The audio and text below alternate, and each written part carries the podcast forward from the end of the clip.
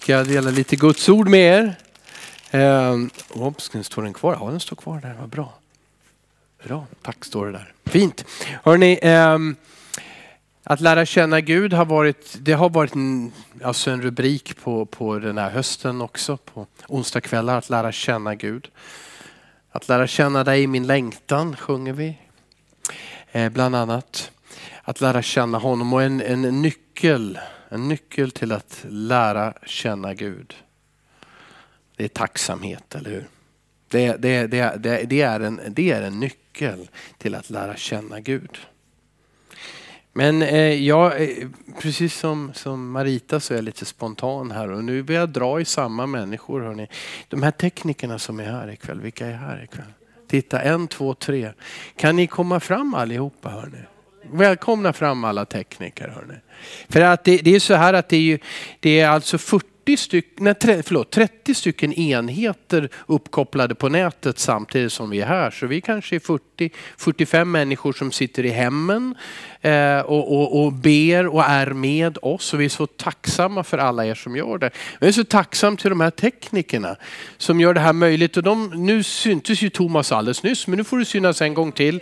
Ni vet vad man ska stå för att synas i kameran. Och Oskar och så Emilia, är hon ute och vandrar nu? Eller Ja men släpp kameran och så kom hit nu Emilia. Du, du måste komma nu. Din pastor ber dig att komma nu. Kan du vänligen komma nu? Ja, hon kommer nu. Vad bra, vad bra. Ja, det, sånt här, det är väl bara jag som får tillåta mig att göra sånt här mot er. Hoppas att, att du förlåter mig och andra förlåter mig också. Eh, bra. Tekniken sköter sig själv just nu, hör. Men, men det är ändå de här vi har att tacka, eller hur? Och jag, jag vet inte, jag, jag, löste det inte på ett bättre sätt. Alltså, det är ändå så att ni får dela det med varandra. Eller hur? Eh, det, ja, det är den här fina chokladen som ju heter merci som ju betyder tack. Då, då. Eh, så att eh, tack för vad ni gör kära vänner, kära tekniker. Ni får gå och mumsa på den där under bönemötet om ni vill. Eller så får ni dela upp det i fickorna så att alla fyller och, och så vidare. Stort, stort tack hörni. En stor kram och allihopa. ja, verkligen. Åh, tack ska ni ha. Tack. Vad härligt hörni. Titta nu fick jag chans att lära känna dem lite bättre. Jag sa ju det att tacksamhet är också en nyckel att lära känna Gud. Det är, det är en jätteviktig nyckel, eller hur? Eh, jag, skulle, oh, jag skulle ha gett bildteknikern en lapp när han var framme. Jag, jag går med en liten lapp. För jag, Titta, nu försvann jag ur bild. Titta där. Det, det, här är ju för att jag ska be om ursäkt lite för mitt dåliga... Han skulle ha fått de här bibelställena för 45 minuter eller en timme sedan, men han fick dem nu. Men han kanske hinner med i alla fall. Eh, hörni, eh, tacksamhet, ja men det står till exempel i Saltaren 100. Eh, kapitel 100, just det.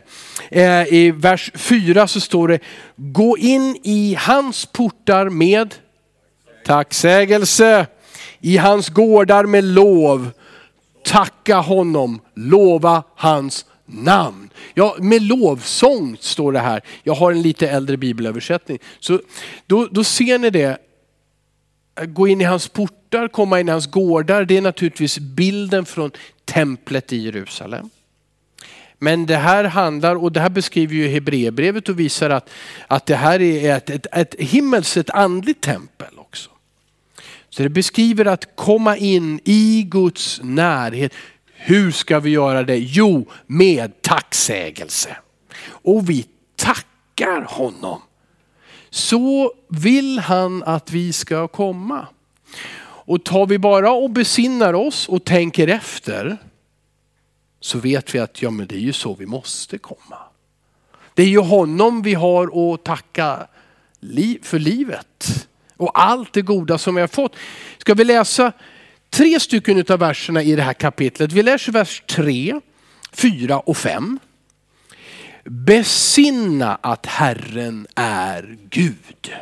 Det vill säga stanna till, tänk efter. Det är Herren, Jahve. Det är Herren som är Gud. Och, och, och så står det, han har gjort gjort oss och inte vi själva. Vi är folk och får i hans jord. Det här händer när vi stannar upp. När du går in i din kammare och ber, när du stannar upp, när du tar tid för att lovsjunga honom. När du ja men det är ju tack vare honom som jag är, som vi är, som vi finns, som vi har hopp, som vi har framtid. Det är tack vare honom och då är det så logiskt att det står sen i vers 4, gå in i hans portar med tacksägelse, i hans gårdar med lovsång. Tacka honom, lova hans namn. Varför?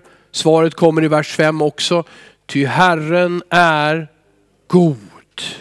Hans nåd varar i evighet. Hans trofasthet från släkte till släkte.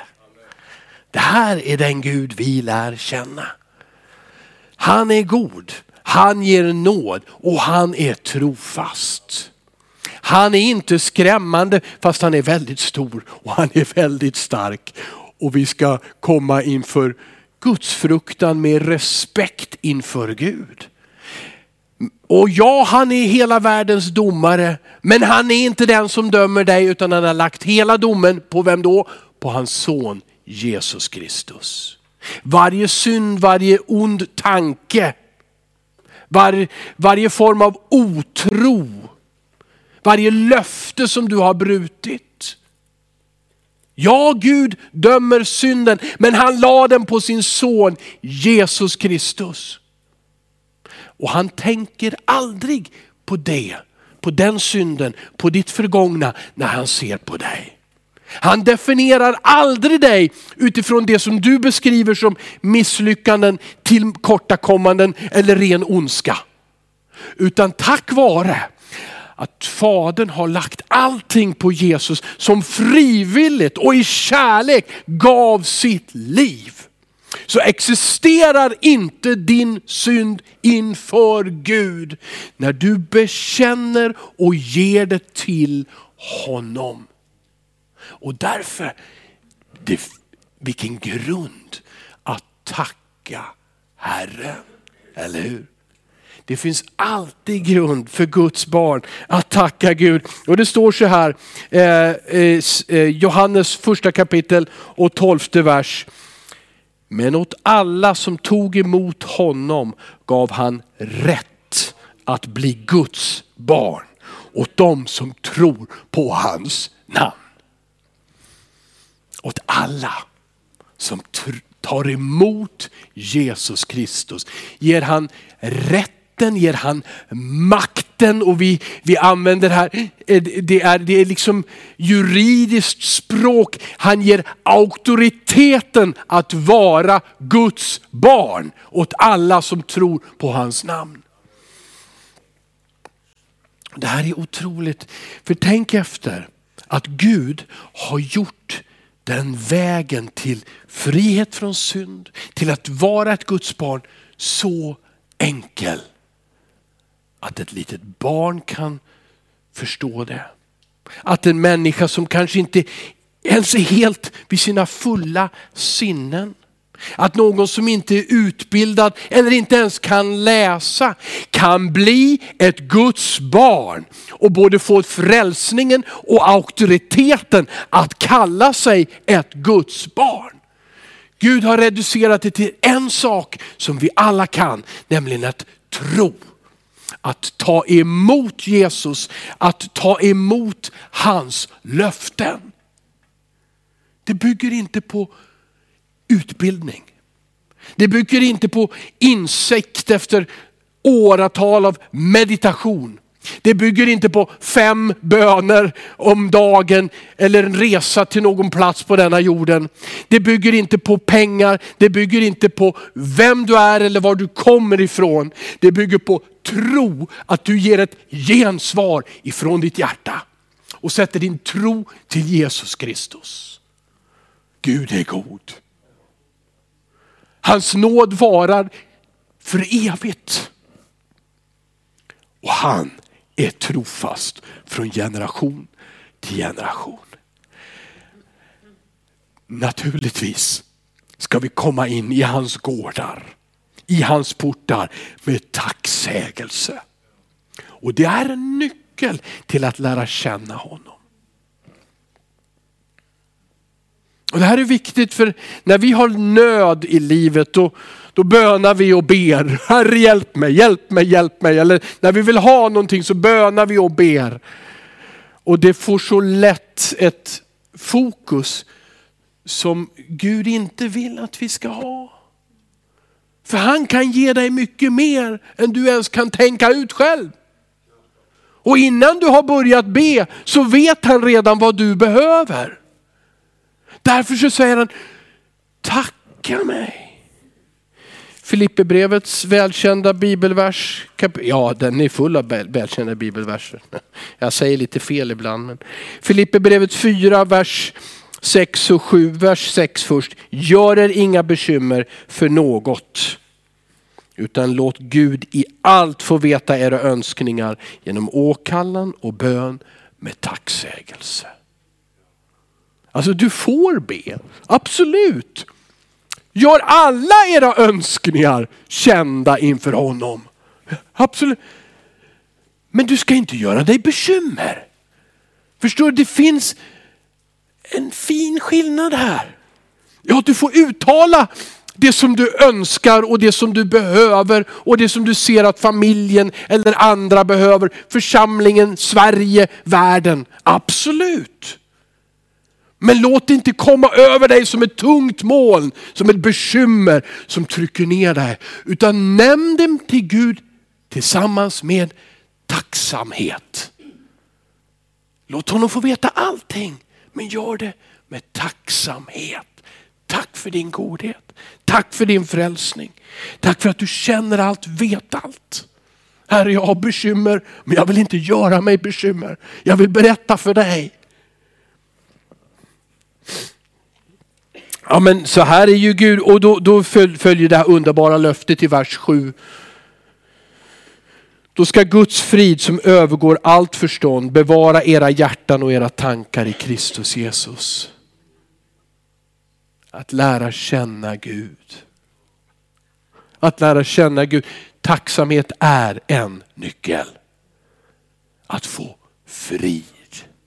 En frid som övergår allt förstånd. Jag vet inte om den går emot allt förstånd, men den, den övergår allt förstånd. Hur kan du ha frid mitt i stormen? Hur kan du vara trygg när du inte ens har sett en lösning på problemen? Guds frid är övernaturlig. Guds frid är en gåva. Och när vi kommer med tacksamhet, när vi tackar honom, då välsignar han oss med en frid som övergår allt förstånd. Och jag brukar lyfta fram det här och har den kanske hört mig tidigare säga det. Då ska Guds frid också bevara era hjärtan och era tankar i Jesus Kristus. Och bevara, det finns bara en annan gång i Nya Testamentet och det är en term, ett ord direkt ur ur liksom, ja vad ska man säga, krigsvetenskapen alltså. Det här är ett militärt bevarande som en, som en trupp soldater beskyddar och bevarar någonting. Så ska Guds frid beskydda. Det är som en, en, en krigsmakt som bevarar och beskyddar. Och vad? Jo, era hjärtan och era tankar i Kristus Jesus. Vilka typer av beslut brukar vi fatta när vi har panik? Alltså vi, låt oss, vi kan vara i en akut situation och ta fantastiska beslut. Men panik brukar för det mesta inte leda till bra lösningar. Eller hur?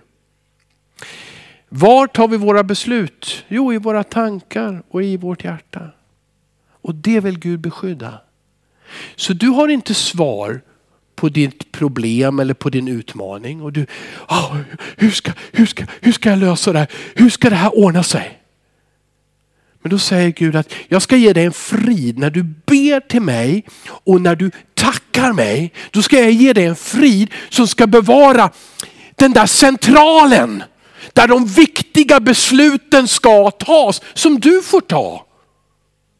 Som Gud lägger in i dina tankar, i ditt hjärta. Och du tänker, men om jag gör så eller om jag gör så?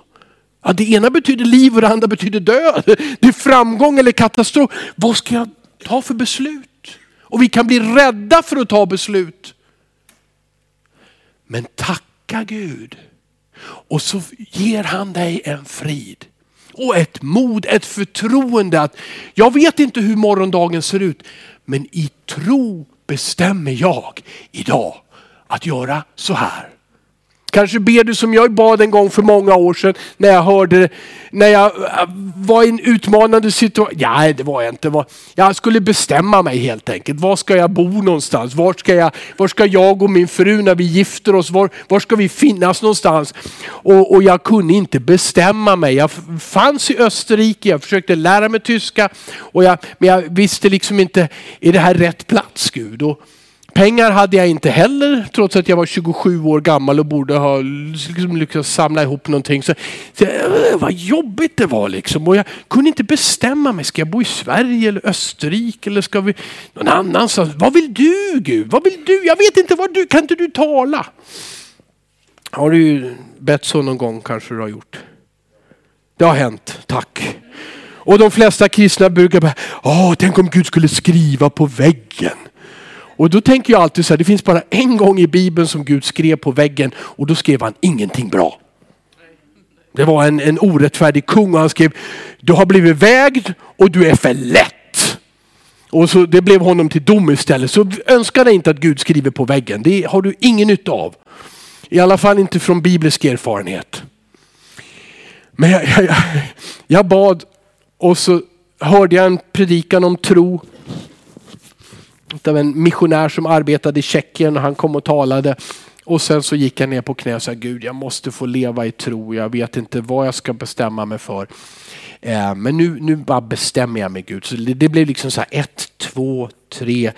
Österrike sa jag. Alltså, ja, vad var bakgrunden? Jo, jag tyckte att det såg mycket lättare ut att börja liksom, ja, vårt gifta liv och tjänst och arbete i Österrike. Det var absolut så.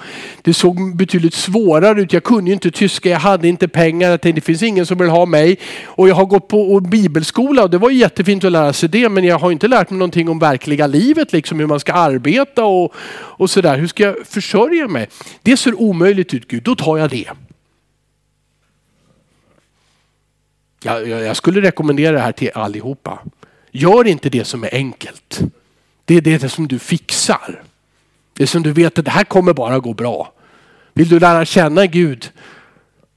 Be om omöjliga utmaningar. Kasta dig ut någonstans. Och jag tog det här beslutet och jag bad så. Mm, ja, inget ont här mot någon här nu. Jag ska bara nämna. Mm, Rut, vi var förlovade och hon, hon sa det där, det där var ett känslomässigt beslut Kalle. Och jag är ju ingen känslomänniska. jag är väl kanske i högsta grad en känslomänniska. Men, men, men, eh, men, eh, men jag tyckte det här var ett jättetort beslut. Det var liksom det eller det. Nu tar jag det Gud. Och är det fel så får du stoppa mig. Och jag litar på. Och jag hade frid. Och så nästa dag så kom det ett brev på posten. På den tiden fick man brev på posten. Det var från min mamma. Och då hade hon klippt ut ur den kristna dagstidningen Dagen. Där stod det så här. 50 pingstkyrkor i Sverige utan pastor. Står det. tänkte att, uh, en frestelse tänkte jag. Jag kan inte ta emot det här liksom.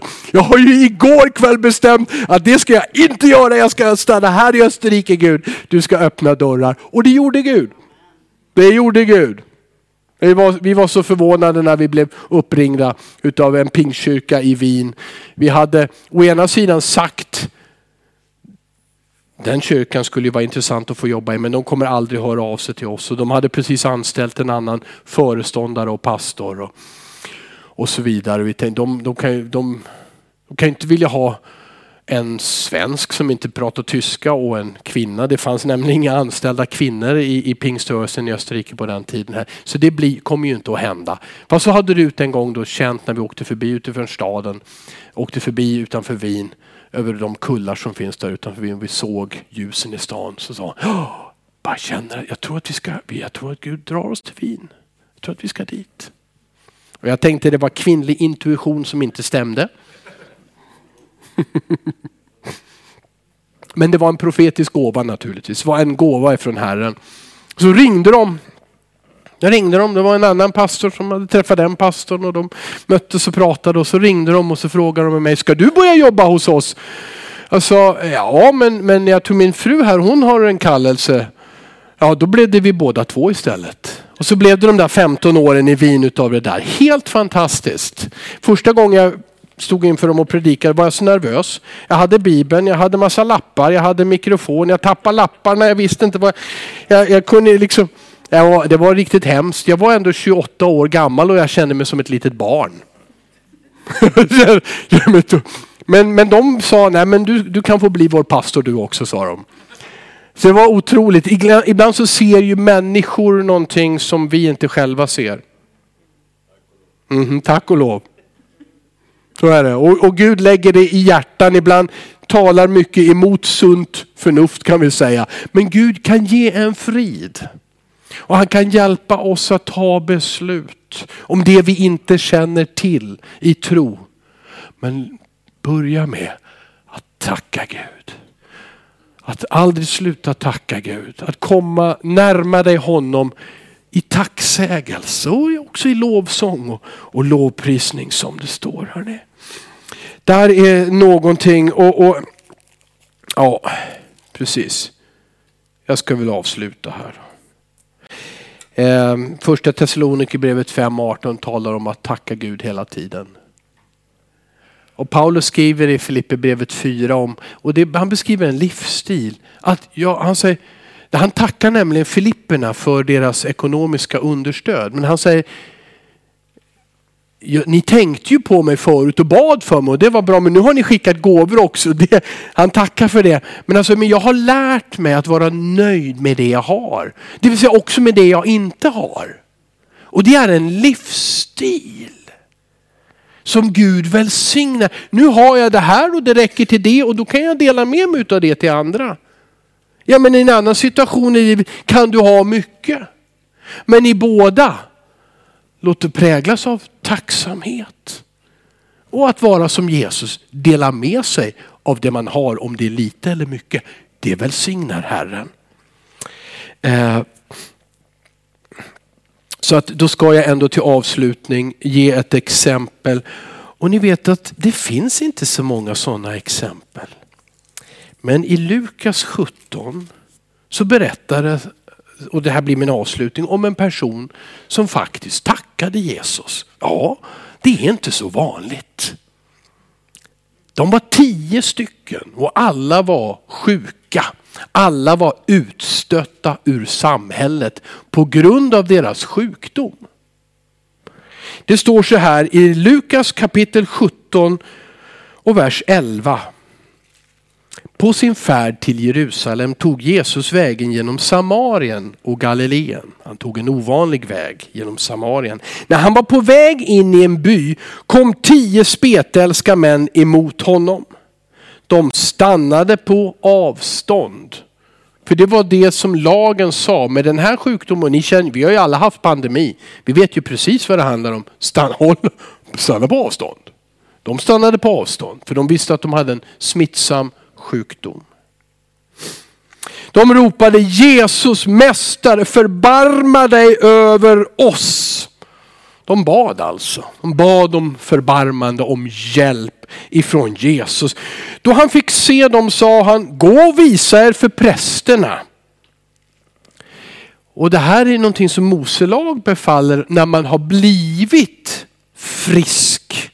Så skulle man skulle en jude gå till templet och prästerna skulle pröva under en viss tid om man verkligen var fri från spetälskan och, och, och kunde då bli förklarad. Men Jesus säger till dem, gå, alltså han säger gå i tro. Ni har inte varit friska nu i två, tre veckor eller två månader utan gå nu, säger Jesus. Gå nu. Oh, ska vi gå nu? Ja, gå till prästerna. Prästerna som också hade makt att förjaga dem och, och liksom bannlysa dem. Igen. Gå och visa er för prästerna. Och medan de var på väg dit blev de rena. Vilken upplevelse! Förstår du? Här går tio stycken sjuklingar utstötta. Och då, Jesus har sagt vi ska gå till prästerna, antagligen i Jerusalem. Och så ska de pröva våra sjukdomar. Den ena är vit och den här, det är en fruktansvärd sjukdom där man tappar tår och fingrar och, och kroppen bryts ner så fruktansvärt. Men när de går där kanske tittar de på varandra. För de hade väl ingen spegel med sig. Oh, du är, din hud, den ser frisk ut. Här sker ett mirakel.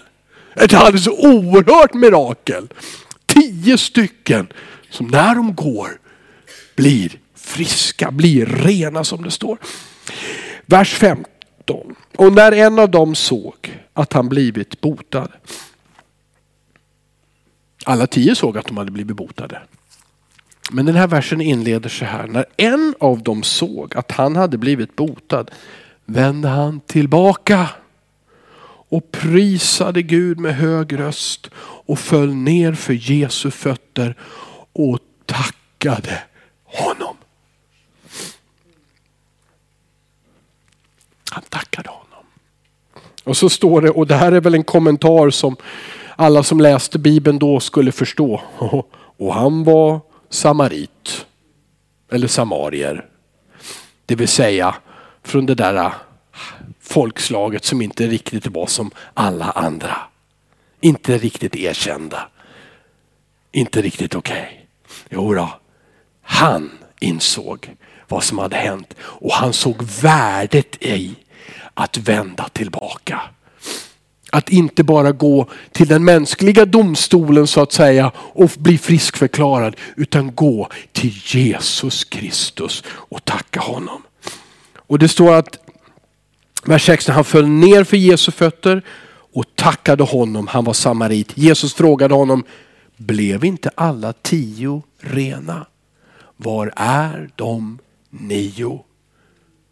Har verkligen, har verkligen ingen vänt tillbaka för att prisa Gud utom den här främlingen, utom den här utlänningen kan vi säga. Han som inte kände, han som inte var nära, han kom och tackade. Och Jesus sa till honom, stig upp och gå. Din tro har frälst dig. Vi ser här att tacka Gud, det är att ära honom. Och det sker inte som de, att som de nio kanske går vidare med en, känsla av tacksamhet. Oh, jag är så tacksam idag och nu får jag leva livet som jag vill. Utan att tacka är någonting konkret. Kanske att lämna en chokladask till någon. Kanske att säga tack. Kanske att byta väg som den här mannen. Gå tillbaka till Jesus. Kanske att betala ett pris för det. Men jag vill säga tack Jesus. Jag vill tacka dig. Och det är att ära Gud. Och Jesus sa till mannen, din tro har frälst dig. Förstår du? Tacksägelse är ett sätt att lära känna Gud. Ärlig tacksamhet utifrån hjärtat men också som får uttryck i din mun och genom dina handlingar. Det är en nyckel till att öppna för att lära känna Gud. Och Det allra sista jag ska säga innan jag lämnar över till Marita det är att eh, det finns ett ord för nattvard som heter oikaristi. Det är ett, eh, har en grund i ett grekiskt ord, oikaristia, nattvard. Och vad betyder det, Stickan? Det betyder tacksägelse. I nattvarden att tacka. Varsågod Marita.